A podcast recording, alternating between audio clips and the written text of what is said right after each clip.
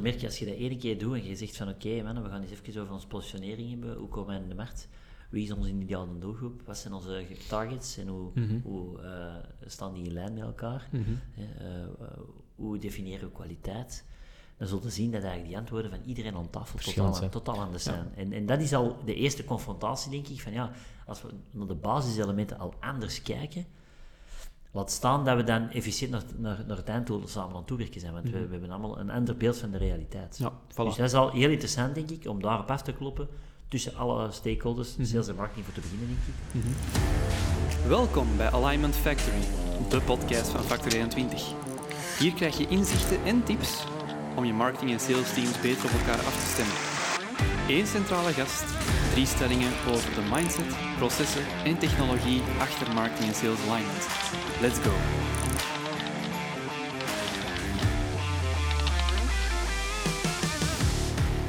Hallo, welkom allemaal bij een nieuwe aflevering van Alignment Factory. Opnieuw geen centrale gast deze keer, wel een tweede deep dive. De vorige deep dive ging over aflevering 1 en aflevering 2, over hoe dat je om moet gaan met deals on hold en over hoe dat je een niet-lineaire buyer journey eh, in kaart kunt brengen. Vandaag gaan we dieper ingaan op de derde en de vierde aflevering met eh, Peter Snauwaard, Stig van Houwermeijden. Eh, en specifiek gaan we kijken naar enerzijds hoe creëert je vanuit uw merk positieve associaties en hoe kweekt je vertrouwen bij je doelgroep. Enerzijds en anderzijds gaan we ook kijken naar hoe dat je eh, gezamenlijke meetings tussen marketing, sales, customer support kunt opzetten en hoe dat je er ook het meeste uit kunt halen. Want het is, is in veel gevallen toch nog altijd wel iets dat niet aanwezig is in bedrijven, waar dan nog altijd heel veel geraapt kan worden. Ehm, dus we gaan gewoon beginnen met wat Peter Snauwaard zei in een van onze afleveringen. 2% van uw doelgroep is op dit moment bezig met wat dat jij verkoopt. Dus dat wil zeggen dat 98% van uw doelgroep er nog niet voldoende of gewoon niet mee bezig is. Wat niet wil zeggen dat die behoefte nooit kan komen.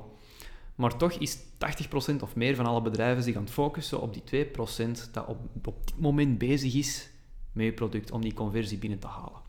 Ehm, en daarvoor zei hij, ja, iedereen wil oogsten, maar we vergeten vaak te zaaien. Dus eh, Nico, als we dan even kijken naar, naar positieve associaties creëren, ehm, vertrouwen kweken, hoe moeten we dat juist zien vandaag de dag vanuit marketing en sales? Dat is inderdaad uh, veel besproken thema. Hè. Ik, uh, ik, ik, zie dat heel veel als we campagnes allee, bekijken. Dat iedereen op die 2% conversie zit. Hè. Zo dicht mogelijk tegen die, tegen die aankoop. En eigenlijk daar ook alles op afmeten.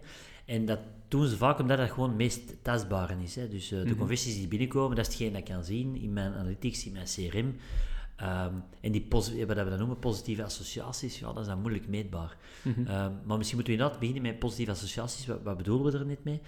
Uh, ik denk klinkt, dat klinkt zo wat fluffy. Hè? Ja, het klinkt misschien wat fluffy, hè, maar ik denk dat het eigenlijk heel eenvoudig is. Het komt vaak neer op... Uh, wat, wat, wat, geven voor mij de eerste signalen? Wat, wat zijn de eerste signalen die we oppikken van mensen die de dingen die we vertellen relevant vinden. En die eigenlijk zeggen, goh, voor mijn leefwereld klopt dit wel en Mhm. uh, daar haal ik wel waarde uit. Een heel gemakkelijk voorbeeld, denk ik, is... Stel dat je uh, B2B bent en je hebt een heel, heel uh, gefundeerde contentstrategie en je, je bent in staat om bijvoorbeeld elke week elke, ja, of elke twee weken content te publiceren op LinkedIn. Als je ziet bijvoorbeeld dat daar, uh, en dat, dat klinkt soms als een vanity, hè, maar als daar structureel uh, meer mensen naar kijken, meer mensen op reageren, mensen nu een persoonlijk bericht binnensturen over de content dat je geplaatst hebt, of gewoon als je ergens komt met zeggen van kijk, ik ken u van LinkedIn, want ik zie heel dingen passeren en ja, wel herkenbaar. Dat zijn voor ons positieve associaties. Dus de bevestiging eigenlijk dat de dingen die je post vandaag meerwaarde biedt en vooral ook herkenbaar is voor die doelgroep. En eigenlijk het probleem dat zij ervaren, duidelijk kadert en ook wat uitvergroot en op die manier een goede trigger is om, uh, om de stap verder te gaan. Maar op de radar komen, hè, dat is denk ik stap 1, dat, moet, dat moeten we vandaag doen. En kijk gewoon naar die eerste mini-successen. Hè. Uh, hoe reageren mensen erop? Vernoemen Mhm. mensen het als ik het ergens kom? Uh, als ik die, die comments terugkomen. Wat ik niet wil zeggen, dat we allemaal campagnes moeten doen om likes op te bouwen. Dat is zeker en vast niet. Want het is soms content met minder, hè, met minder engagement. Dat vaak beter is, omdat je een, een, iets meer niche publiek aanspreekt en daardoor ook wel uh, relevanter kunt zijn. Dus Mhm. de aantal likes dat denk ik niet dat dat, dat de, de maatstaf moet zijn, maar reageert mijn ideale doelgroep op de content dat ik plaats, via privébericht of via uh, gewone likes of, of reacties, dat zou wel een goed vertrekpunt zijn. Uiteindelijk zijn likes geen maatstaf. Hè. Ik denk Nee. dat het eerder bereik is waar je naar moet Ja. gaan kijken. Bereik is al heel belangrijk. En specifiek binnen die En doelgroep. Hè. Van, Ja. Dit is mijn Ja. segment dat ik wil bereiken. En zie ik dat die mensen daarop beginnen reageren, ja, dan weet je dat je in de goede richting zit. Ja, en zie maar wat wij met Factor in Websteek doen. Ik denk, als je aan iedereen vraagt die ons volgt, zien jullie binnen de eerste scroll Factor of Websteek tevoorschijn komen? Ja. Ja. Het maakt eigenlijk niet uit wat wij delen, het is maar dat je top of mind blijft eigenlijk. Hè. En dat je interessante deel, ehm, visies kunt delen, zoals inderdaad nicheproducten naar voren schuiven, een paar strategieën die, waar mensen naar op zoek zijn, die ze misschien zelfs nog niet weten. Dat wij gewoon met dat, ah ja, misschien kunnen we dat ook wel eens proberen. Ehm, Ik denk dat dat wel een way to go is. Ja, en inderdaad, gezien worden is één. En twee, dan nog eens die, dat die positieve eh, feedback erop krijgen. En kijk, eh, de dingen die we vertellen resoneren en kloppen voor die doelgroep. Eh, en op basis van die feedback kun je altijd scherper gaan communiceren en dan gaan die positieve associaties alleen maar sterker worden. Hè, meer reacties, meer mensen die beginnen volgen, meer mensen die beginnen eh, de podcast te volgen bijvoorbeeld of te luisteren. Dat zijn zo ja, de eerste signalen. Wat, ik, wat we meestal zeggen, probeer iets als je een nieuw concept lanceert, probeer die positieve associaties toch op zijn minst eh, een drietal maanden vol te houden. Hè. Je, moet, je, moet op, z'n- je moet wat tijd, moet dat wat tijd geven om, het- om te laten zaaien. Ja, en ik denk, denk ook ehm, positieve associaties creëren. Dat wil niet per se zeggen van plant nu je zaadje bij, bij een lead, zodat die uiteindelijk bij je terechtkomt. Het kan ook perfect zijn, je creëert nu positieve associaties bij iemand. Die persoon heeft een netwerk. Ehm, een netwerk eh, van, van gelijkgezinden die dat soms ook op behoeftes eh, gaan botsen. Dat is mond-aan-mond reclame, hè? want we hebben het hier nu wel over positieve associaties, maar negatieve associaties mogen we zeker ook niet vergeten. Hè? Eh, ik denk het beste voorbeeld is, is mijn nieuwe keuken. Ja. Uh, mijn nieuwe keuken is, is denk ik half september, eind september geplaatst. Uh, er was één toestel niet bij, het werkblad moest nog geplaatst worden. En uh, complete radiostilte. Dat je zelf moet gaan polsen achter je toestellen. En, en ik denk nu... Het heeft- het heeft drie maanden geduurd voordat ik er antwoord op kreeg. En, en dat is weten heel veel focus op het moment totdat je je handtekening hebt gezet. Ja. Associaties stoppen ook niet bij het moment dat je een handtekening zet of wanneer dat je klant wordt. Hè. Ehm, positieve associaties gaan, gaan zelfs alleen maar sterker worden als je dat volhoudt als iemand klant is. Ja, ja. Je moet de lijn doortrekken. Ja. Voilà, en, en ik denk dat dat iets is waar we het vorige keer ook hebben, over hebben gehad. Ehm, reviews bijvoorbeeld, super belangrijk vandaag. Reviews van, van, van Google bijvoorbeeld, of, of als je bijvoorbeeld bij, bij een goede vriend eh, gaat horen van wat vind jij ervan? Dat zijn ook die associaties. Dus ehm, Nee, een negatieve review wegwerken is moeilijker dan... Voilà. Allee, ik denk dat je er vijf goede nodig hebt voordat je je negatieve hebt weggewerkt. ja, exact. Ehm, Dus, dus dat we zeker ook niet uit het oog verliezen. Want ik zeg er dus wel van, van associaties, positieve associaties, dat klinkt fluffy. Maar dat, dat kan je een business wel maken of, of juist niet. Hè? Ja, en ik denk in de aflevering met Peter was het vooral ingestoken op... eh, vanaf dat je met een potentiële klant aan tafel zit, eh, probeer het niet vanaf moment één te happen. Eh voilà, in, in verkoopmodus te gaan. Ehm, hè, dat werkt vandaag niet meer, ben ik helemaal mee eens. Eh, je moet ergens gaan van, oké, hoe kan ik u helpen? Luisteren. Eh, kijken, ja, voilà, vertel uw verhaal en kan ik u helpen, überhaupt? Eén, en op een later moment wil ik wel bespreken hoe, maar ik wil eerst zien of ik u kan helpen. Ehm, en dan creëer je die positieve associatie, Ja. dat vertrouwen wordt opgebouwd, maar dat is dan al in het salesgesprek. Maar daarvoor, wat je doet om uiteindelijk je, je, je vlag te planten, ja, Mhm. dat draagt ook bij. En dan uiteraard, na verkoop, is er ook nog een heel groot werk te Mhm. plegen, want ik denk dat daar ook dan de versnelling kan gebeuren. Mhm. Voilà. Dus hè, nu dat we een beetje uit de weg hebben van, Ja. wat moeten we juist verstaan onder positieve en negatieve associaties en, en hoe moet je daar als bedrijf naar kijken. Mhm. Uh, misschien even kaderen van waarom is dat belangrijk. Uh, we hebben al, al, dat al een beetje gekaderd, maar het is ook gewoon... Kans is groot dat je als bedrijf, ehm, hè, dat, dat geldt voor ons, maar dat geldt waarschijnlijk ook voor heel veel van onze luisteraars, dat je niet de enige op de, op de markt bent. En als iedereen zich op die 2% gaat storten dat nu bezig is met een aankoop, dan is het heel moeilijk om, om een onderscheid te maken. Dan moet het al hebben van je reputatie. Uh, maar ja, die moet je natuurlijk ook opbouwen via, via positieve associaties. Um, degenen die voorsprong pakken, dat zijn degenen die dat op een vroeger moment al gaan proberen om die connectie te leggen.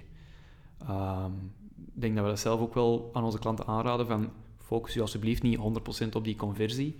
Um, maar dat is nog altijd wel de mindset dat er is hè, bij, bij heel veel mensen van ik moet alles kunnen meten, ik moet alles weten.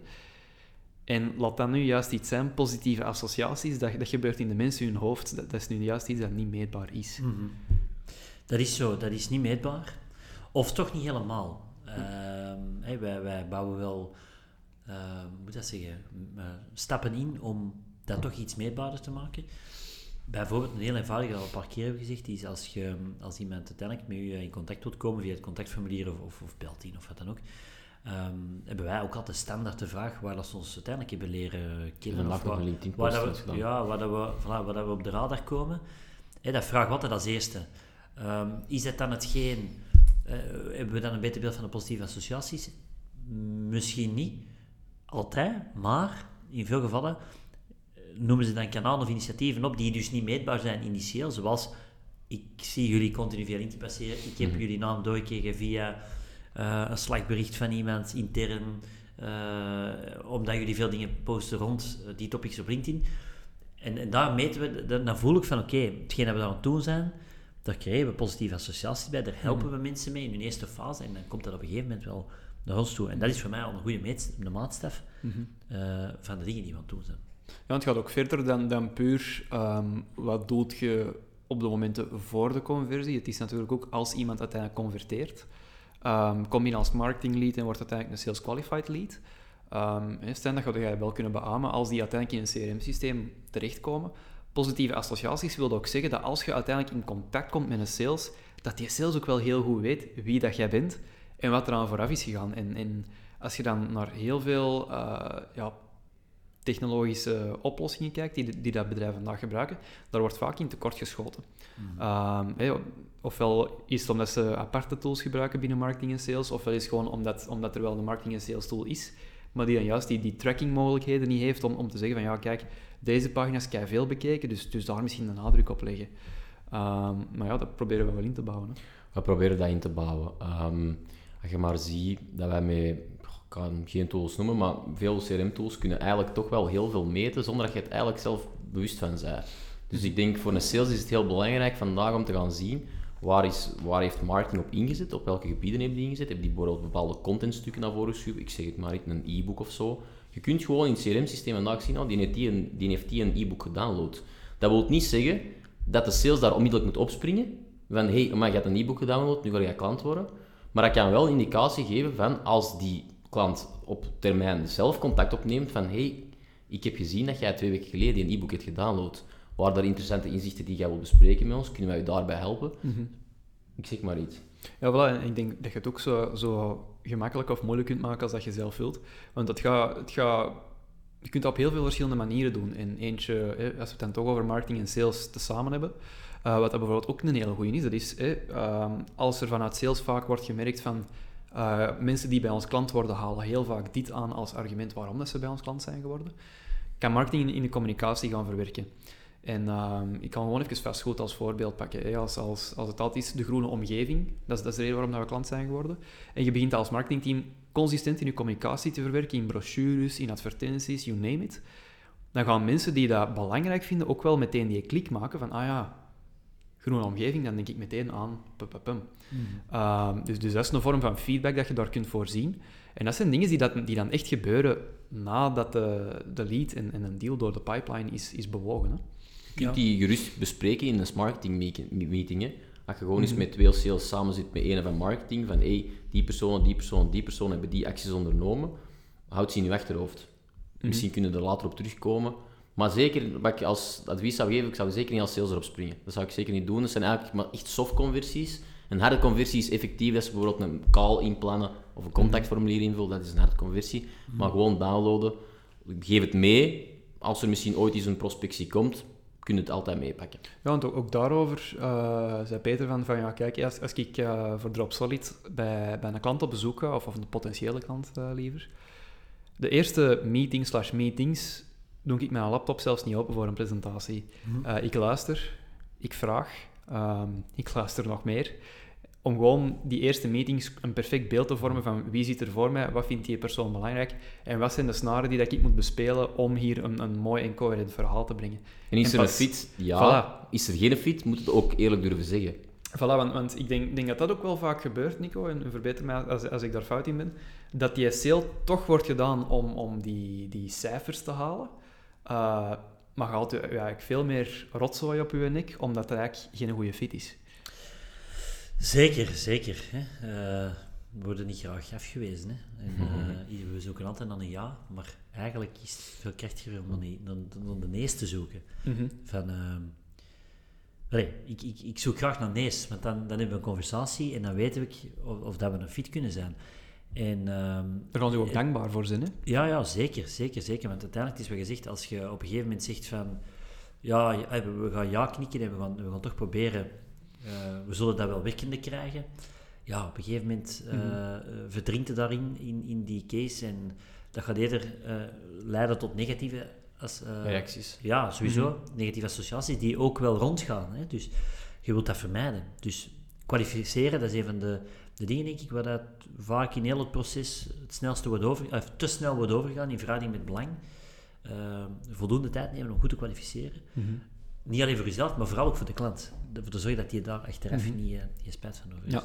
ja. want als we het dan toch hebben over, uh, over kwalificeren en, en, en, zien wie dat er past voor u en wie niet, moeten we misschien ook even kijken van, van oké, okay, eh, stel nu dat je ermee aan de slag wilt gaan, je wilt voor je bedrijf die, die positieve associaties gaan, gaan leggen. Um, hoe start je ermee? Um, ik, ik, denk dat, dat voor veel bedrijven de eerste stap is gewoon om, om even te kijken naar echt de basics, de fundering van, van je bedrijf. Waar sta jij voor? voor wie doe jij dat? Ja, positionering. Um, ja, positionering is echt iets waar je moet bekijken. Um, is die uniek? Um, is er iets waar dat je ook effectief goed in bent? Want dat, is wat de sweet spot. Hè? Wat vinden u, wat vindt een doelgroep belangrijk en, en waar zit jij goed in? Ja. doe daar je positionering rond. Uh, en als je dat voor ogen hebt, dan kun je ook gaan kijken naar wat we eigenlijk in de vorige deep dive hebben, besproken.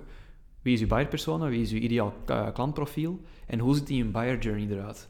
En als je dat in kaart hebt gebracht door je eigen team in te schakelen, maar ook door heel veel user research te doen, je klanten echt te ondervragen, dan gaat ook een heel duidelijk beeld hebben van, van wat nodig is om die positieve associaties te kunnen creëren. Ja, ja, ja. En wat je moet vertellen om ervoor te zorgen dat je door heel dat proces van eerst keer iemand te bereiken tot uiteindelijk iemand dat klant wordt en mijn klant blijft, uh, op, allee, welke aspecten dat je moet gaan communiceren, hè, welke mhm. argumenten uh, je wilt dat ze onthouden van u en, en hoe dat je dat door heel het verhaal kunt doortrekken. Mhm. Want is, als je daar ook heel consistent in kunt zijn, van mensen eerste keer bereiken tot, tot iemand dat, dat al vijf jaar klant is, en je kunt ervoor zorgen dat ze altijd dezelfde eigenschappen of argumenten naar boven halen uh, als ze nu bij ik denken, als ze nu bedrijf denken, dan denk ik dat je heel geslaagd bent. Mm Wat ik vaak zie, is dat het heel gefragmenteerd is. Hè. Je gaat van alles schieten. Ja, ja of, of dat, dat bijvoorbeeld zeggen, bedrijven die nog geen klant zijn, dat die andere waarden gaan uh, kleven op dat merk, dan, dan klanten die bijvoorbeeld al vijf jaar klant zijn. Die zeggen, ja, uh, je zegt dat dat, dat bedrijf voor drie, drie waarden uh, zich profileert, maar eigenlijk met ermee samen te werken, ervaar ik wel een heel ander mhm. aspect, of heel, heel, heel, andere associaties met dat merk. Dus dat moet ook zien dat je coherentie hebt. Dus positionering, mm goed afkloppen, één. En zorg dat je dat verhaal ook in je content creatie vanaf het begin goed, of, goed uh, doorvertaald. Dat, komt het mhm. eigenlijk dat is ook een beetje wat we van de week zeiden, hè? Stijn. Als jij het woord Ferrari hoort, ja. waar denkt jij dan aan? Aan een dure auto. Ja. En wat nog? Luxe, comfort, iets dat ik niet kan betalen. De laatste nog niet, nog niet. nee, er zijn wel een paar dingen die missen altijd een vijftal eigenschappen, dat we altijd aanhalen met zo'n merkje. In, uh, Rood, Italiaans. Ja, bijvoorbeeld. Ja. Snel. Ja. Dat zijn van die uh, dingen. Hè. Meestal uh, raden vier van de vijf. Mm. Ik had er vier, en, dat is, Ja, voilà, je had er vier, denk ik. En, en dat, is, dat, is die, dat zijn die sterke associaties. Mm -hmm. ja. en, en, en, maar dat is van begin tot het einde, zeggen mensen overal hetzelfde. Maar dat is omdat je heel goed nadenkt over welke content breng je naar buiten, om dat net te... Focussen echt op een specifieke doelgroep. Eigenschap, ja. En mm eigenschappen, ja. Ja, dus, allee, het is enerzijds begrijpen wie dat er voor je zit en hoe dat je die gaat bespelen. Mm -hmm. uh, maar het is ook een kwestie van heel duidelijk af te bakenen van oké, okay, uh, marketingteam, salesteam, uh, welke rol spelen jullie in heel deze verhaal? Dat is een beetje hetgeen wat ik er juist zei, van, van als het salesteam bepaalde informatie kan doorspelen naar marketing, dan kunnen die er ook op inspelen om uh, bepaalde acties te ondernemen. Hetzelfde voor customer support. Hè. Als er bepaalde dingen zijn, uh, een sale heeft een verkoop kunnen doen, maar er was nog een bijkomstige vraag, stuurt er al meteen door naar support, dat die er snel op kunnen inspelen. En snelheid, dat, dat, dat zorgt natuurlijk ook of voor... Zet, zet samen acties op. Waarom moet je het nog mhm. doorspelen? Ja, voilà. Uh, organiseert wekelijks of om twee weken een meeting mm -hmm. en zeggen we gaan die initiatieven doen. Kunnen we dat regelen? Ja, we gaan dat mhm. zo doen. Hoe gaan we dat opvolgen? Er is zo uh, ergens een statistiek. Ik weet ondertussen zelfs niet meer of dat eigenlijk wel klopt. Uh, maar dat is de uitspraak. Hè. Leads die dat je de binnen de vijf minuten na een conversie contacteert, hebben zoveel procent meer kans om uiteindelijk klant te worden. Ja. De, deze morgen bijvoorbeeld kwam, kwam, een lead binnen. Um, En, en om, omdat we, ja, onze systemen er zo op ingesteld zijn, eh, krijgen wij er redelijk snel uh, bericht van. Dus, dus we bellen. Ja, nu hebben wij wel een beetje gepakt met die snelheid. dus allee, ja, die voelen zich ook gehoord dan. Ja. En, en dat is denk ik een belangrijke, make them matter. Uh, dat, is, dat is denk ik wel een beetje de sleutel in, in heel deze verhaal. Want een tijd geleden was ik ook aan het praten met, met iemand dat bij een start-up werkt. Uh, en die, uh, die zijn actief in de, de frisdrank, de frisdrankindustrie. En die zei van, ja, kijk, ja, wij, willen een zeker marktaandeel veroveren. Maar we gaan ons niet focussen op, op de, de ingrediënten van onze frisdrank bijvoorbeeld, of dat dat beter is dan het een of het ander. Nee, wat doen die? Die weten, wij moeten HR-managers hebben. Um, dus wij gaan gewoon zeggen van, wij gaan HR-managers helpen om hun werkplek beter te maken. Ja. En dat koppelen wij dan aan ons product. Dus, dus ik denk dat dat ook wel vaak een valkuil is om, om het over je eigen te willen hebben en over, over uh, de voordelen die dat jij oplevert, terwijl heb het eens over de uitdagingen van, uw, van uw doelgroep. Ja. Ook ja, is dat, niet rechtstreeks gekoppeld? Ja, voilà. Dat is één op één positionering. Dat is uiteindelijk eh, hoe gaan wij relevant zijn voor de persoon aan de overkant mm -hmm. en in verhouding met, met de concurrentie. Uh, en dat dan goed doorvertalen, dat is het punt. Voilà, ik, ik denk dat, dat, is vaak hetgeen dat eigenlijk mist. Eén, dat ze niet helder, heel die teams geen heldere positionering samen hebben afgeklopt. En twee, mm -hmm. dat ook niet in staat zijn om dat eigenlijk uh, goed door te vertalen in, in content, in communicatie, mm -hmm. in campagnes. Ja, en dan is dat heel moeilijk om, om goede associaties op te bouwen, omdat je geen... Je ziet de, de, de persoon aan de andere kant ziet de relevantie niet en de rode draad niet. Ja. En dat is, uh, dat is de uitdaging. Maar als je dat mhm. goed hebt en je kunt dat dan schalen in content, dan mm je heel snel die positieve associaties kunnen opbouwen. Mm -hmm. En dat gaat dan merken in de gesprekken die je Ja, wat denk ik een, een, een, heel goed voorbeeld is, dat, uh, dat, dat mij nog heel goed is bijgebleven, u ook niet misschien, Nico. Uh, maar hey, ik, ik, heb, ik, heb, twee kinderen en Philips is een heel belangrijk merk als je, mm -hmm. als je aan kinderen begint. Uh, Philips, die, die doen onder andere bepaalde, uh, bepaalde, bepaalde machientjes uh, bieden die aan. de flesjes, de Philips Avent-flesjes en van die dingen. Die hebben bijvoorbeeld een app waarin dat je kunt ingeven van kijk, dat is de uitgerekende datum en dat is echt gewoon van dag 1 tot, tot het eind van maand 9 dat, dat, dat die app gaat zeggen van uw kindje ziet er nu zo uit, dat is ja. dit aan het ontwikkelen. Dat is een doel dat u, dat u helpt met namen te zoeken en zo. Dus dat is compleet opengetrokken van deze is ons product. Nou ja, oké, okay, onze producten helpen ervoor te zorgen dat je kindje zich goed kan ontwikkelen. Ja. En we helpen u ook vanaf dat dat kindje nog in de buik zit. Ja, ja, en, en dat vond ik wel een heel mooi voorbeeld van, van hoe dat je als merk positieve associaties kunt creëren. Nu natuurlijk B2C, maar je snapt het wel. Hè? Ja, ja, voilà. Kijk. Dus uh, iedereen moet ermee beginnen. Hè? Iedereen moet er iets over nadenken, denk ik. Bekijk eens naar, uh, vooral uh, uit die positionering hoe het ligt. kijk dus dat je die positionering vanuit awareness tot uiteindelijk klantfase, dat je dat goed doorvertaalt in content creatie en in campagnes. En als dat niet is, denk ik dat dat de eerste ja. werkveld is. Om dan te zorgen dat je de, de juiste content naar buiten kunt brengen, consistentie kunt hebben en dan zien wat dat mensen aanhalen en op basis daarvan verder bouwen. Hè? Ja, exact. Goed, gasten. Deel 2 van de deep dive. Um, van Ouwermeijer was, was uh, een paar afleveringen geleden te gast. En die zijn, zijn passie ziet in sales, marketing, customer care en hoe dat hem die drie kan samenbrengen om, om resultaten echt de lucht in te laten schieten. Uh, en, en een van de stellingen die dat we toen besproken hadden was van, oké, je hebt de, de beruchte marketing- en sales meeting, de marketing meeting, de revenue meeting, hoe dat je het ook wilt noemen. Uh, wat moet je daar juist allemaal delen? En na die aflevering zeiden we van, ja, eigenlijk, in een van onze deep dives moeten we eens gaan, gaan kijken hoe kunnen wij onze luisteraars helpen zo'n revenue meeting op te zetten. Uh, wie moet er allemaal zitten? Wat moet er allemaal besproken worden? Hoe richt je dat in, zodat je daar eigenlijk het, het, onderste uit de kan kunt, kunt gaan halen? Um, dus we zullen er vandaag even bij stilstaan, wat dat we er dus onder verstaan. Uh, wat het probleem is vandaag bij veel bedrijven die dat dan niet doen, of oh ja, wat het probleem is als je geen revenue meetings houdt. Uh, en hoe dat je dat dan effectief het beste inricht. Um, dus Nico, we doen nu zelf hè, hier ook uh, revenue meetings. Uh, dat was uw initiatief destijds. Um, wat versta jij juist on, onder een revenue meeting? Ja, ja revenue meeting uh, dekt misschien niet voor iedereen altijd de lading. Ik vond, maar oké, okay, maakt in principe net geloof de bottom line van het bedrijf, denk ik. Maar uh, ik vond, uh, wie was dat? Het, uh, de kind moet een naam hebben. Hè. Philippe, de, Philippe de Kleining had er nog een interessant concept rond, qua naamgeving. Hij noemde het denk ik de, wat was het, de Customer Experience eh, Teams, Ja. ja. teams hè?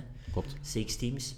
Dus allee, je kunt het in dezelfde trend zien, maar in ieder geval het komt erop neer dat je eigenlijk eh, je sales- en marketing silo's letterlijk eh, gaat afbreken. En je gaat zeggen van kijk, we gaan, we gaan geen sales en marketing en misschien customer success meetings meer organiseren, maar we gaan één meeting organiseren waar we die, die verschillende profielen gaan samenbrengen met een gemeenschappelijke agenda om eigenlijk naar één gemeenschappelijk doel toe te werken.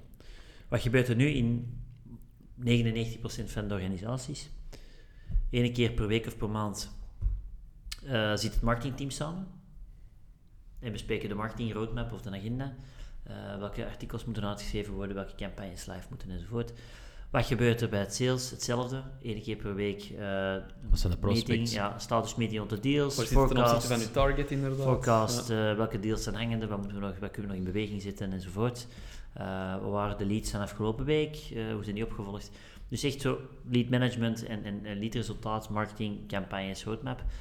Ehm, maar wat we vaak zien dan, is wat gebeurt er? Iedereen begint zijn eigen agenda te gaan definiëren, begint zijn eigen weg te bewandelen, begint ook zijn eigen initiatieven op te zetten, wat dat op zich niet slecht is, maar dat gebe- eh, wat er dan gebeurt is, je begint inefficiënties te krijgen. Mhm. Marketing komt met initiatieven die heel creatief zijn, maar die dan niet aansluit bij het ICP bijvoorbeeld. Eh, sales klaagt over de kwaliteit, maar ja, geeft dan ook te weinig input. Dus je creëert eigenlijk je eigen silo's door gewoon de aparte meetings te organiseren. Maar je ziet van nee, we gaan dat niet meer doen. We gaan gewoon samen naar één doel werken. We gaan zeggen, kijk, dat is, onze, hè, dat is het doel van de organisatie, daar gaan we deze jaar op werken met het team. En we gaan iedereen samenbrengen en we gaan iedereen vanuit zijn invalshoek kan, kan input geven. Eh, maar we begrijpen wel de, de inhoud op dezelfde manier. Hè. We Mhm. gaan samen de roadmap bepalen, we gaan samen de... En moet iedereen daarbij zijn? Ehm, goh, dat, is, dat moeten we... Het kost misschien- natuurlijk wel tijd als je met heel het beide teams Ja, samen is. ik denk dat dat iets is inderdaad, dat we zo meteen even, even gaan aanraken Ja. inderdaad, van, Ja, inderdaad, moeten we zeker wie moet er allemaal bij zijn. Ja. Uh, want dat is natuurlijk wel heel belangrijk. Het is niet de bedoeling dat je er, er met 20 man uh, met je duim zit te draaien. Nee. Uh, nu, wat ik wel een belangrijke side note vind hier, Nico, dat is van, van je hebt die revenue meeting en, en je zegt inderdaad van je hebt je marketing meetings, je hebt je sales meetings en dat creëert automatisch silo's. Uh, ik, ik vind nu wel aparte marketing meetings en sales meetings hebben nog altijd wel een plaats als je een revenue meeting hebt. Ja. Want uiteindelijk in revenue meetings worden eigenlijk de, de dingen besproken die daar voor alle teams belangrijk zijn. Maar uiteindelijk een deal dat on hold staat bijvoorbeeld bespreken. Ja, heeft dat echt een plek in een revenue meeting? Misschien als, als marketing u erbij kan helpen om die een deal door te slepen of zo. Maar er zijn nog altijd bepaalde sales targets die dat je voorop hebt gesteld, die daar eerder in een sales meeting besproken gaan worden dan in een revenue meeting. Ja. Uh, goh, dat is een beetje dubbel, denk ik. Ik, uh, ja, ik snap ook wel als je vandaag een organisatie ziet met een sales team van 20 mensen uh, en nog eens een marketingteam van 5 mensen. Mm -hmm. ja, dan is dat niet echt nuttig om te zeggen, we gaan alles... Maar het is wel zo, maar we gaan straks over de agenda spreken van zo'n revenue meeting. Het is wel zo dat het soms zeer nuttig kan zijn om te zeggen een problematische deal, om dat eens op tafel te leggen tijdens mm -hmm. een revenue meeting. Omdat marketing ook goed begrijpt van, oké, okay, waar lopen onze prospecten eigenlijk op vast en kunnen wij vanuit onze marketingpit uh, initiatieven, contentcreatie mm -hmm. gaan, gaan, gaan uitwerken die kan bijdragen om die klant te helpen om sneller of gemakkelijker een beslissing te nemen. Uiteindelijk, ik denk bij ons, een fractie van onze deals, die worden ook gewoon besproken tijdens de revenue. Natuurlijk, ja. Ah, ja, voilà, kijk, ik heb zo gereageerd, voilà. maar dat was blijkbaar niet de juiste reactie, of de mm -hmm. klant had aan de verwachtingen, of, of heeft nog andere vragen. Um, Oké, okay, wat, wat, gaan we ermee doen? Hè? Bijvoorbeeld bepaalde cruciale conversielandingspagina's die belangrijk zijn in het salesproces. Um, dat is de feedback van de, van de klanten en, en, en, dat ook door te vertellen. Oké, okay, hoe kunnen we dat op, met marketing daar een beter antwoord op gaan bieden mm -hmm. of gaan aanpassen in functie van wat dat sales eigenlijk heeft ontvangen in zo'n gesprek. Dus ja. die kruisbestuiving tussen die twee moet er zijn. is super interessant. Al is het ook maar om sales meer marketing te laten doen en marketing meer sales te laten begrijpen. Alleen ja. Een marketeer moet eigenlijk geen sales worden, hè? maar moet begrijpen ja, wat sales doen. Uh, en voilà, ook omgekeerd. Heel belangrijk, ja, heel belangrijk. Je moet begrijpen en, en, en eigenlijk ook soms wel, als ze die kunnen misschien ook wel interessant uitschrijven, is ook wel een beetje die sales feeling in zich hebben. Ja. Ik denk dat dat altijd... Ja, daar had ik van de week nog een gesprek over met, met iemand op LinkedIn, die, die dat zei van... van oh, ik vind het echt beu om te horen dat een marketeer een sales moet worden en omgekeerd. Dat is toch niet zo, maar dat is ook niet wat bedoeld wordt met die uitspraak. Met die uitspraak wordt bedoeld van... Elkaar je moet, je moet elkaar. Het, het, volledige commerciële proces, van lead tot trouwe klant, moet iedereen begrijpen. Ja. Ook, en, en sales pakt misschien zoveel procent voor hun rekening en marketing ook. Uh, maar uiteindelijk, ook al zit jij er niet mee bezig, je moet wel snappen wat, dat, wat daar gebeurt om je eigen werk deftig te, te kunnen Ja. doen. Ja. Ehm, en, en dat is denk ik nog wel een, een misvatting dat vaak bestaat. Als we dat zeggen, wil dat niet zeggen dat sales zich plots achter de, achter de computer gaat zitten om een campagne te maken. Hè. Mm. Maar het kan wel zijn dat sales hier en daar nuttige input heeft om die campagnes juist beter te maken. Ja. Ja. Maar ja, dat zijn dan dingen die bijvoorbeeld naar boven kunnen komen tijdens zo'n revenue meeting. Hè. Beste sales, wij, wij hebben nu dit als campagne. Komt dat overeen met wat dat jullie vaak horen van, eh, van jullie prospecten? Hm. Bijvoorbeeld. Ja, je krijgt dus het punt, als je, als je dat niet doet, dan, ehm, ja, dan je dus eh misalignment. Hè. Je dus allee, teams die niet gealineerd geraken, omdat eh, marketing... Zo gebeurt dat dan. Hè. Eh, er wordt in, in het begin van het jaar doelstellingen geformuleerd. We moeten zoveel omzet gaan doen en dat vertaalt zich in zoveel leads op jaarbasis. Oké, marketing gaat ermee aan de slag om, om dan die leads te gaan genereren. Sales gaat dan werken om die leads die binnenkomen. En dat begint hun eigen leven te krijgen. Die aantallen blijven wel hetzelfde, maar dan de manier om die aantallen te bereiken, of de target om die, om die aantallen te bereiken, daar wordt dan al wel wat eh, creatiever mee omgespeeld. En dan, ja, dan begint er dus die frictie te krijgen. Als je daar niet Mhm. rap genoeg op inspeelt, ja, dan krijg je dus eigenlijk frustraties langs twee kanten. Hè. Dus dat is het probleem, Ja. denk ik, als je daarin blijft zitten. En dat gaat alleen maar belangrijker worden. Ik denk dat dat een heel belangrijke trend gaat worden volgend jaar Mhm. en het jaar nadien. Ehm, dat die, ja, die review meetings, dat in die review teams, dat dat in grote opmars zal zijn eh, in België eh, en in Nederland, omdat, dat omdat de, de, de rol van sales en marketing zo veranderd is de afgelopen twee, drie jaar, dat we, dat we niet anders kunnen dan, dan echt eh, daar handen in elkaar slagen en, Mhm. en naar één verhaal werken. Ja. ja, want uiteindelijk, hetgeen wat je zegt van, van, van die, dat misalignment, Ja. dat wordt heel vaak ook gewoon automatisch gecreëerd. Niet omdat je aparte meetings zit, maar aparte meetings die komen ook voort uit aparte doelstellingen. Ja, ja, ja. Ehm, en, Ja, dat is omdat sales denkt van wij verkopen, dus wij halen de kopen binnen, maar eigenlijk is dat niet waar. Het is marketing die ook daar deel van uitmaakt. ja, dat is gewoon Dat één, is dat is één, één verhaal. één verhaal. Eén verhaal en dat kun je niet meer... eh, dat kun- Marketing verkoopt niet, sales eigen- verkoopt niet, Ja, maar het bedrijf verkoopt. Wel, maar dat is een beetje de mindset dat, dat er vandaag is. Eh, is. Dat is toch mijn mening. Van bovenaf wordt dat als één verhaal gezien. Het is gewoon het verhaal van marketing stopt bij de MQL en dat van Mhm. sales stopt bij de verkoop en dat van customer care stopt bij de retentie. Hmm. Ehm, maar als je dan gaat kijken, hè, marketing, je moet zoveel MQL's verzamelen, sales, je moet, je moet zoveel sales verzamelen. Dat gaat vanzelf al voor, voor frictie zorgen, omdat marketing heeft een kwantitatieve doelstelling. Sales heeft dat op zich ook, maar, maar die, die doelstelling van sales die, die valt gewoon terug op de kwaliteit van je MQL's. En als je marketing gaat focussen op de kwantiteit van de MQL's, ja, dan blijft de kwaliteit achter. En dat is een beetje de, een klassieke discussie dat we er hebben. Hè. Ja, marketing, ja, ja, die leads die trekken op niks. Hè. Ja. Ehm, en, en Ik denk dat een manier hoe dat je dat kunt oplossen is bijvoorbeeld gewoon de, de marketeers iets mee op de baan sturen. Mhm. Laat ze mee met de sales gaan, kunnen, gaan, kunnen zij ook eens mee gaan voelen van wat, is, hoe, wat voor kwaliteit Ja, Bieden dat is, wij dat is aan. bijvoorbeeld een initiatief. Ja, dat ik- initiatief Dat is één initiatief. Sowieso. Het, het, het is ook gewoon, gewoon heel belangrijk dat, de, dat management, middelmanagement en upper management beseft van stop met die verschillende doelstellingen te maken. Ja, eigenlijk, eigenlijk denk ik dat eh, als, we dat echt, als we dat echt goed willen doen en als we daar naar efficiënte lead gen eh, eh, machines willen gaan, hè, om, het, om het in die termen te zeggen, dan, dan ligt de verantwoordelijkheid volgens mij echt bij, bij een CEO. Die zegt van kijk, dat is de groeiprojectie die we, die we samen als, als bedrijf gaan organiseren. En ik vind het essentieel dat sales en marketing hier hand in hand naar dat één gemeenschappelijk doel gaan. We gaan ons bonussystemen daarop aanpassen. Hè, want Ja. Dat is vaak dan de reden waarom dat het in stand blijft. Dat is ook wat Stig zei, van, van we hebben Ja, één, ja, target en iedereen krijgt dezelfde bonus. Voilà, voilà. Als die bonussystemen er zijn, oké, laat ons dan nog één naartoe werken. Mhm. Eh, en laat ons, eh, ja, laat ons niet te veel in hokken denken als het gaat over eh, aantallen leads of kwaliteit die leads. Nee, we gaan samen nadenken hoe dat we dit beter kunnen krijgen. Dat moet altijd een mindset zijn. En daarom zijn die review meetings zo, Mhm. zo essentieel in dat verhaal, denk ik.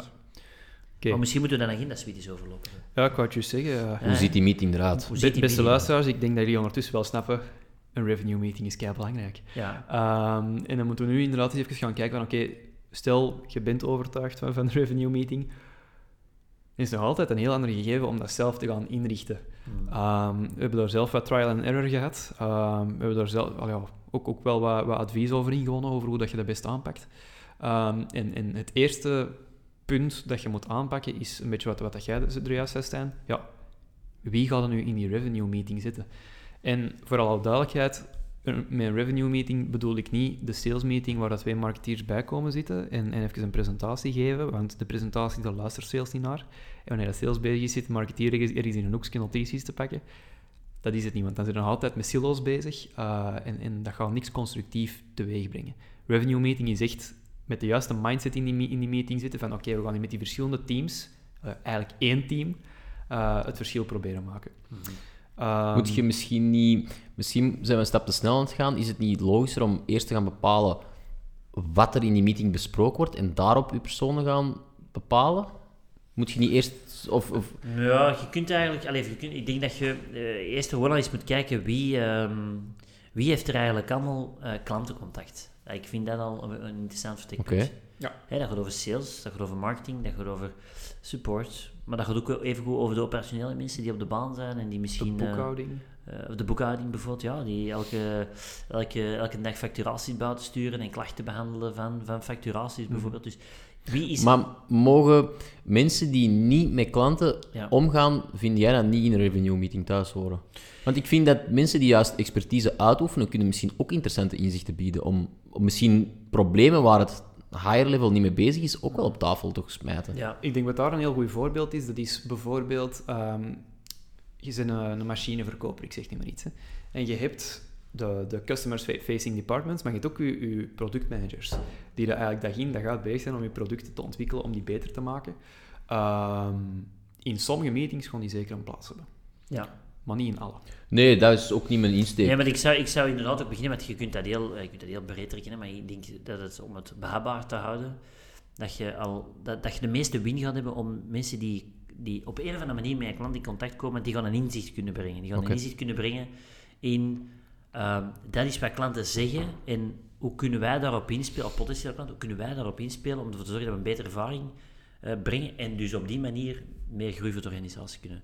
Maar ik zeg het, eh, ik denk dat er nog meer mensen super veel input zouden kunnen geven, maar ik denk dat daar de meeste win te rapen valt. Ja, het is ook wel En sales en marketing is daar een klassieker, hè? Dat, is daar, dat zijn daar de meest evidente dingen. Ja, ik- denk qua, qua aanwezigen in zo'n revenue meeting, ehm, het gaat er ook een beetje van afhangen hoe groot uw organisatie Ja, is. ja. In sommige gevallen ga je gewoon zeggen van, van persoon A, B, C, D, jullie komen in de revenue meeting. Dat, dat is gewoon, dat zijn de mensen en dat is het. Maar in grotere ondernemingen ehm, is er voor mij zeker plek voor, voor een, een, vast, een vaste bezetting, maar ook een variabele bezetting Ja. eh, die dat je gaat aanpassen naar gelang wat er besproken wordt. Dus je gaat eigenlijk, op basis van wat jij er juist zei, een, een pool maken ehm, van iedereen dat potentieel relevant is in je revenue meeting. En je gaat x aantal mensen hebben die dat je er altijd bij zit. Hè. Je marketing manager, je sales manager, je, je customer care manager, eh, die mensen. Ehm, maar het, wat we dan er juist zeiden, bijvoorbeeld van boekhouding of zelfs chauffeurs die dat de bestelling gaan afzetten, Ja, eh, techniekers. Ehm, dat zijn geen mensen die dat elke meeting, misschien in sommige specifieke gevallen wel elke meeting input gaan hebben, maar in de meeste gevallen, in de meeste gevallen gaan die alleen in specifieke gevallen input hebben. Maar Afhan- afhankelijk van de insteek van de meeting. voilà, afhankelijk van de insteek van de meeting is het interessant om boekhouding erbij te hebben, maar soms ook echt compleet niet. Ja. En als je dan iedereen, Jan en Alleman, gaat uitnodigen, is dat natuurlijk ook een, een, een dure affaire, want uiteindelijk, die mensen kosten ook Dat was wat Stig zei. Hè? Als je geen bijdrage hebt tot een meeting, please leave. Ja. Voilà. Ja, dat is ook Terecht een uitspraak. En maar stel nu dat bijvoorbeeld in de revenue meeting van, van maandag blijkt dat, ehm, ehm, dat er bijvoorbeeld veel klanten afhaken omdat er een heel onduidelijke facturatie eh, of dat er veel, veel problemen zijn rond facturatie die niet correct verloopt en de klanten zijn dat beu en zeggen van nee, het is genoeg geweest. Ja, dan is het relevant denk ik om de mensen van facturatie eens bij te halen en we kijken, oké, wat kunnen we beter doen? Wat, hoe, hoe, ehm, waar, loopt, waar loopt het mis vandaag in ons proces om ervoor te zorgen, eh, dat ervoor zorgt, sorry, dat mensen daar eh, gefrustreerd geraken? Ja. En, en wat kunnen we daaraan doen? En dan is de input van de facturatieafdeling volgens mij super waardevol. Ja, Maar inderdaad. dat is dan eerder eh, op basis van de agenda dat dan, eh, dat dan gasten kunnen uitgenodigd worden. Ja, dus ik denk dat dat wel de start is van je revenue meeting. Bepaalt wie dat er allemaal belangrijk is in je organisatie om in die revenue te zetten. Een stuk vast, sowieso, en eventueel ook een stuk variabel. Volgende stap is natuurlijk gaan bepalen, oké, wat gaan we nu eigenlijk tijdens die revenue meetings bespreken? En daarin maak ik een beetje een onderscheid tussen de, de eerste revenue meetings en, en eens dat allemaal ingeburgerd is, wat dat je dan bespreekt. Tijdens die eerste revenue meetings is er één simpel doel alignment creëren. Eensgezindheid creëren tussen die teams, ervoor zorgen dat je allemaal met de neuzen in dezelfde richting staat. Ja. En dat heeft soms meer sessies nodig dan één sessie. Ja, exact. Want er zijn heel veel basics die moeten bekeken worden. Want, want in ja, eigenlijk de meerderheid van de bedrijven ziet de basics niet goed. Nee, nee, dat is zo te merken als je dat één keer doet en je zegt van oké, man, we gaan eens even over onze positionering hebben. Hoe komen wij in de markt? Wie is onze ideale doelgroep? Wat zijn onze targets en hoe, Mhm. hoe eh, staan die in lijn met elkaar? Mhm. Eh, hoe definiëren we kwaliteit? Dan zult je zien dat eigenlijk die antwoorden van iedereen aan tafel totaal anders zijn. En, en dat is al de eerste confrontatie, denk ik, van ja, als we naar de basiselementen al anders kijken, laat staan dat we dan efficiënt naar, naar, naar het einddoel samen aan het toewerken zijn, want we, we hebben allemaal een ander beeld van de realiteit. Ja, voilà. Dus dat is al heel interessant, denk ik, om daarop af te kloppen tussen alle stakeholders, Mhm. sales en marketing voor te beginnen, denk ik. Mhm. En is het dan ook niet belangrijk dat je een soort van modera- moderator in het gesprek hebt? Die een beetje stuurt, want anders gaat misschien wel heel snel Ja. van je spoor Ja. afwijken, denk ik. Ja, en idealiter is dat ook wel iemand die voeling heeft met, met, al, die, Mhm. met al die departementen. Ja. Ehm, wie dat, dat is, ja, daar is niet echt een, een functie op te plakken. Ik denk dat Stig het had, had over een, een Chief Revenue Officer of zoiets. Ja. Uh, maar doorgaans gaat dat bijvoorbeeld zijn uw sales manager, dat bijvoorbeeld ook heel geïnteresseerd is in wat, in wat marketing aan het doen is. ja. Of omgekeerd. Hè. Ehm, dus, Ik, dus, ik, ik denk vooral iemand, je moet checken in sales of marketing zal dat zijn. Ik zou Ja. niet per se altijd de, eh, de CEO daarin pakken, want dan gaat dat altijd een... een ehm, dan gaat niet alles open en bloot op tafel gelegd kunnen worden, want in het begin gaat ja, merk je dat nog niet alles even duidelijk is en dat is Mhm. soms confronterend. Eh, maar dat is goed dat je dat doet, denk ik. Ehm, ik, ik denk dat je gewoon iemand moet kijken binnen de organisatie die inderdaad de voeding heeft, maar die vooral ook de, de nodige Op- empathie heeft om... Open mindset. Voilà, Mhm. open mindset en empathie heeft om de verschillende partijen goed aan te voelen en eigenlijk daar die eensgezindheid rond te creëren. Want Ja. dat gaat in het begin ook wel wat fricties creëren. Hè. ja, voilà, En die is- ego's moeten nog wat afgebroken worden, Mhm. want we hebben altijd in silo's gedacht. Dus ieder- iedereen heeft zijn eigen standpunt en visie en daar moeten in functie van het bedrijf eerst door natuurlijk. Ja, voilà, dus ik denk dat, zoals je zegt, een eerste prioriteit moet zijn om die positionering, die, die een doelgroep eh, op één lijn te krijgen. Want Ja. ik denk dat je de bedrijven niet, dat je de aantallen niet wilt weten, Ja, ja. Hoe, hoeveel, eh, dat, hoeveel misvattingen zijn, dat er zijn tussen de doelgroepen. Ja. En niet gewoon de KMO, hè. Voilà, heel duidelijk, ideaal klantenprofiel, buyer persona erbij, buyer journey erbij. Hoe gaan we die positionering doorvertalen aan die mensen? Stap 2 is voor mij ehm, uw centrale doelstelling. Dus dat is een beetje wat, wat we er juist zeiden. Als je die centrale doelstelling hebt, dat is gewoon uw leidraad voor die meeting. Ja. Ehm, en alles wat dat mogelijk belangrijk is voor, voor, voor die doelstelling, al is dat bijvoorbeeld de slechte ervaring met je facturatiesysteem, is belangrijk. Ja. Ehm, dus je moet eensgezindheid creëren rond, rond, je, rond je doelgroep, rond die positionering, maar ook die doelstellingen. ja. En wat dan stel nu dat je zou zeggen, ah oké, onze doelstelling is om volgend jaar een groei te realiseren van eh, een miljoen euro bijvoorbeeld. Ehm, en wij willen dat doen in die segmenten, waarvan er 80% nieuw business is, 20% dat we eh, in upsell en retentie willen doen bij bestaande klanten. We kunnen er een plan van gaan maken. En elk nieuw initiatief dat er op tafel ligt, kunnen zeggen, oké, draagt dat bij tot die doelstelling van een miljoen groei mhm. dat we vooropstellen met die 80-20 eh, verhouding. Voilà. Ja, nee, nee, oké. Dus je zegt die facturatie, ja, want als we dat niet aanpakken, dan verliezen we nog meer en dan kunnen we die upsell bij of de retentie bij onze bestaande klanten niet behouden. Oké, dan moeten we dat aanpakken. Mhm. Hoe gaan we dat samen aanpakken? Ja. En dan kreeg je een vibe, een groep, dat eigenlijk... Groepsvibe. Ja, dan, dan Mhm. je een vibe om naar hetzelfde toe te werken. En dan, ja, dan alle randinitiatieven die eigenlijk niet tot dat centraal doel bijdragen, die vallen Mhm. al heel snel eh, weg, wat dat goed is. Want dan, Ja. dan krijg je de focus. Ja, wat ik heel goed vond bij, bij onze allereerste revenue meeting een tijd geleden, dan eh, was er iemand dat zei, ik vind het een keigoed initiatief, maar we moeten er wel voor zorgen dat dit geen praatmeeting wordt. Ja. Ehm, ik vond dat een heel goede uitspraak. Ehm, en, en voor mij is, is, is dat ook in, meteen, meteen het derde punt waar dat we op moeten focussen in het begin, dat is uw strategie. Ja. Je hebt uw doelgroep, eh, je hebt die positionering, je hebt je hebt doelstelling. Nu moet je even gaan zien van, oké, wat gaan we het komende jaar ook doen om, om die doelstelling te behalen? En eens dat je dat allemaal hebt geregeld, dan kun je je agenda iets variabeler beginnen Ja. insteken. hè. Ja, ja. Dan kun je één keer per maand bijvoorbeeld vanuit heel je revenue team gaan verzamelen. Oké, wat zijn de dingen waar dat we vandaag tegenaan lopen om die doelstelling te behalen? Wat zijn onze sterktes, wat zijn- wat zijn onze zwaktes, onze kansen, onze bedreigingen en hoe kunnen wij daar als team, eh, als revenue team op, op, op werken? Mhm. Ehm, dus om, om even terug te komen op, op het vaste en variabele stuk van, van die revenue meeting. Ehm, je hebt sowieso elke meeting een zekere bezetting. Maar ik vind het zeker belangrijk dat je periodiek ook van heel die poelen de, de, de input verzamelt. ja. Van wat dat hun bezorgdheden en frustraties zijn van dat moment. Ja. Ja, ja, ik denk, eh, je zou kunnen zeggen, de vaste is dat je de basics support hebt in die eerste maand of zo. Want ik, we zeggen nu één meeting, maar meestal het toch, stel dat je zegt, maar elke week. ja. eh, ik denk dat het heel nuttig is om te zeggen, we gaan dat elke week doen. Elke week een revenue meeting, eh bijvoorbeeld op maandagochtend. Oké, zitten we met, met eh, het vast comité samen. We hebben die in de eerste maand de basics in orde. Allemaal afgeklopt. Oké, er volgen acties uit. En dan kun je inderdaad je vaste agendapunten gaan. Hè. We gaan het dashboard overlopen met de cijfers eh, op weekniveau. We gaan even kijken eh, welke nieuwe initiatieven we op gang aan het zetten zijn om bijvoorbeeld naar die doelstellingen toe te groeien. Mhm. Maar één keer per maand, en dat is dan wat je zegt, kunnen zeggen, we gaan een variabel moment inlassen, dat één keer per maand we iedereen, alle, alle stakeholders bij elkaar brengen, dus een veel grotere groep. Mhm. Maar waar we dan eens gaan kijken, van wat zijn nu inzichten die je hebt opgedaan afgelopen maand, ehm, die bijvoorbeeld impact zouden kunnen hebben op onze, op onze goede ambitie. Mhm. En dan kan dat bijvoorbeeld wel zijn die van de facturatie die zegt van kijk, ik, eh, ik loop hier recht tegen een paar limieten aan, eh, klanten eh, hebben hier heel veel klachten over bijvoorbeeld en, en lopen daarom weg. Ja, dan is dat denk ik het, het moment Mhm. om dat inzicht te delen vanuit iedereen zijn invalshoek. Hè. Ja, bijvoorbeeld dat, dat er vanuit marketing of, of vanuit sales een vraag geschoten kan worden naar customer support. Hè, van, Ja.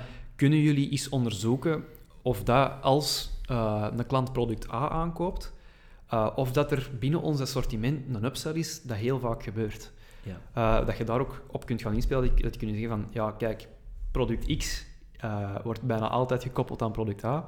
Kun je kijken hoe werkt in je marketingcommunicatie, in je, in je salesproces en van die dingen.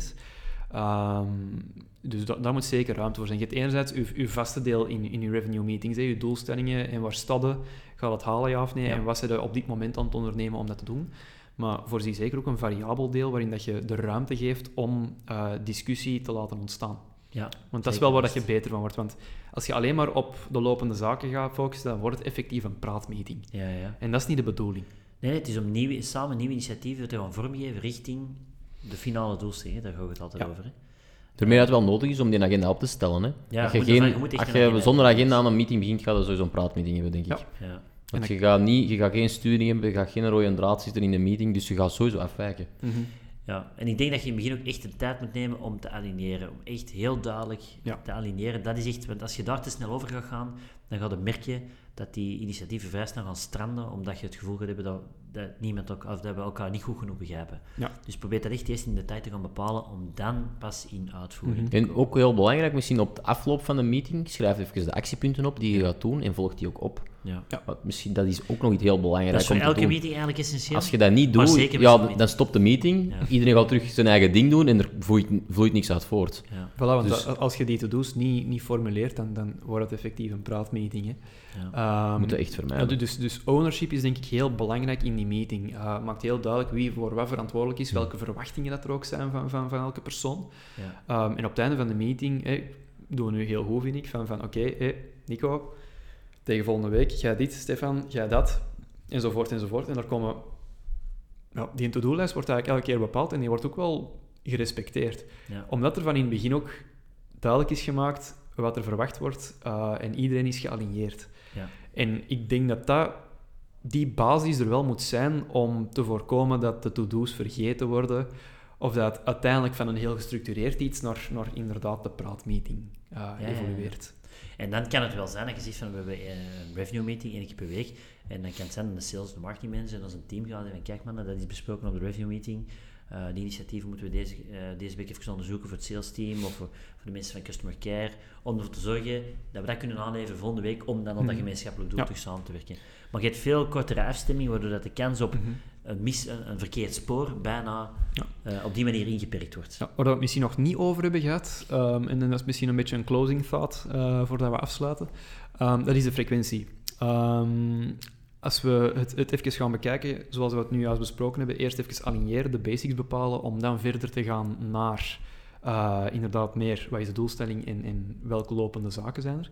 Ik zou zeggen, in het begin, probeer wekelijks. Ja. Probeer wekelijks, dan, dan is alles nog vers in het geheugen, dan, dan blijft het een beetje in dat momentum ook om, om die alignering in orde te krijgen. Eh, en Ik denk dat dat je in het begin denk- echt wel wat gesprekken moet hebben om elkaar goed te vinden. Ik denk dat het Eh, afhangt van ook de omstandigheden. Hè. Ik denk dat je misschien inderdaad in- initieel wat proefmeetings moet inlassen. Mhm. Kijken van, goh, misschien zijn wij hier op een duur te veel aan het babbelen en komt er wei- te weinig uit. Moeten we misschien de frequenties gaan verlagen en moeten we misschien naar twee wekelijks gaan. Voilà. Of naar maandelijks gaan. Voilà, ik denk, denk sowieso, als je die, die basics op orde hebt en, en je zo wat in de flow geraakt van, van wat wordt er van mij verwacht en je doet dat ook, dan kun je wel eens gaan zien van ja, misschien twee wekelijks, maandelijks. Ik zou nooit Nee. Minder. minder dan maandelijks doen. Ja, dan gaat het weinig gedaan zijn. Ja. Ja. Inderdaad. Dus eh, ik weet niet of dat jullie nog, nog iets eh, eraan hebben Nee, toe ik te vind, het, voegen. ik vind het een heel, heel, heel Interessant. topic. Eh, en ik ben heel benieuwd hoe dat... eh, Maar er is ook geen gouden weg, denk ik. Nee, nee, nee. Het, nee. ik ehm, denk niet. Het zijn allemaal frameworks het dat zijn we kunnen meegeven. Hè? Ja. Het De zijn- zaken die we kunnen meegeven, maar het zijn nog altijd de mensen die het zelf moeten doen.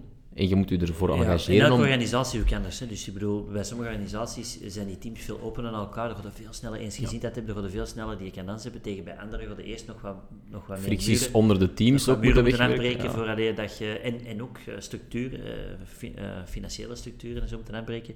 Voor alleen dat je dat echt succesvol kunt Mhm. maken.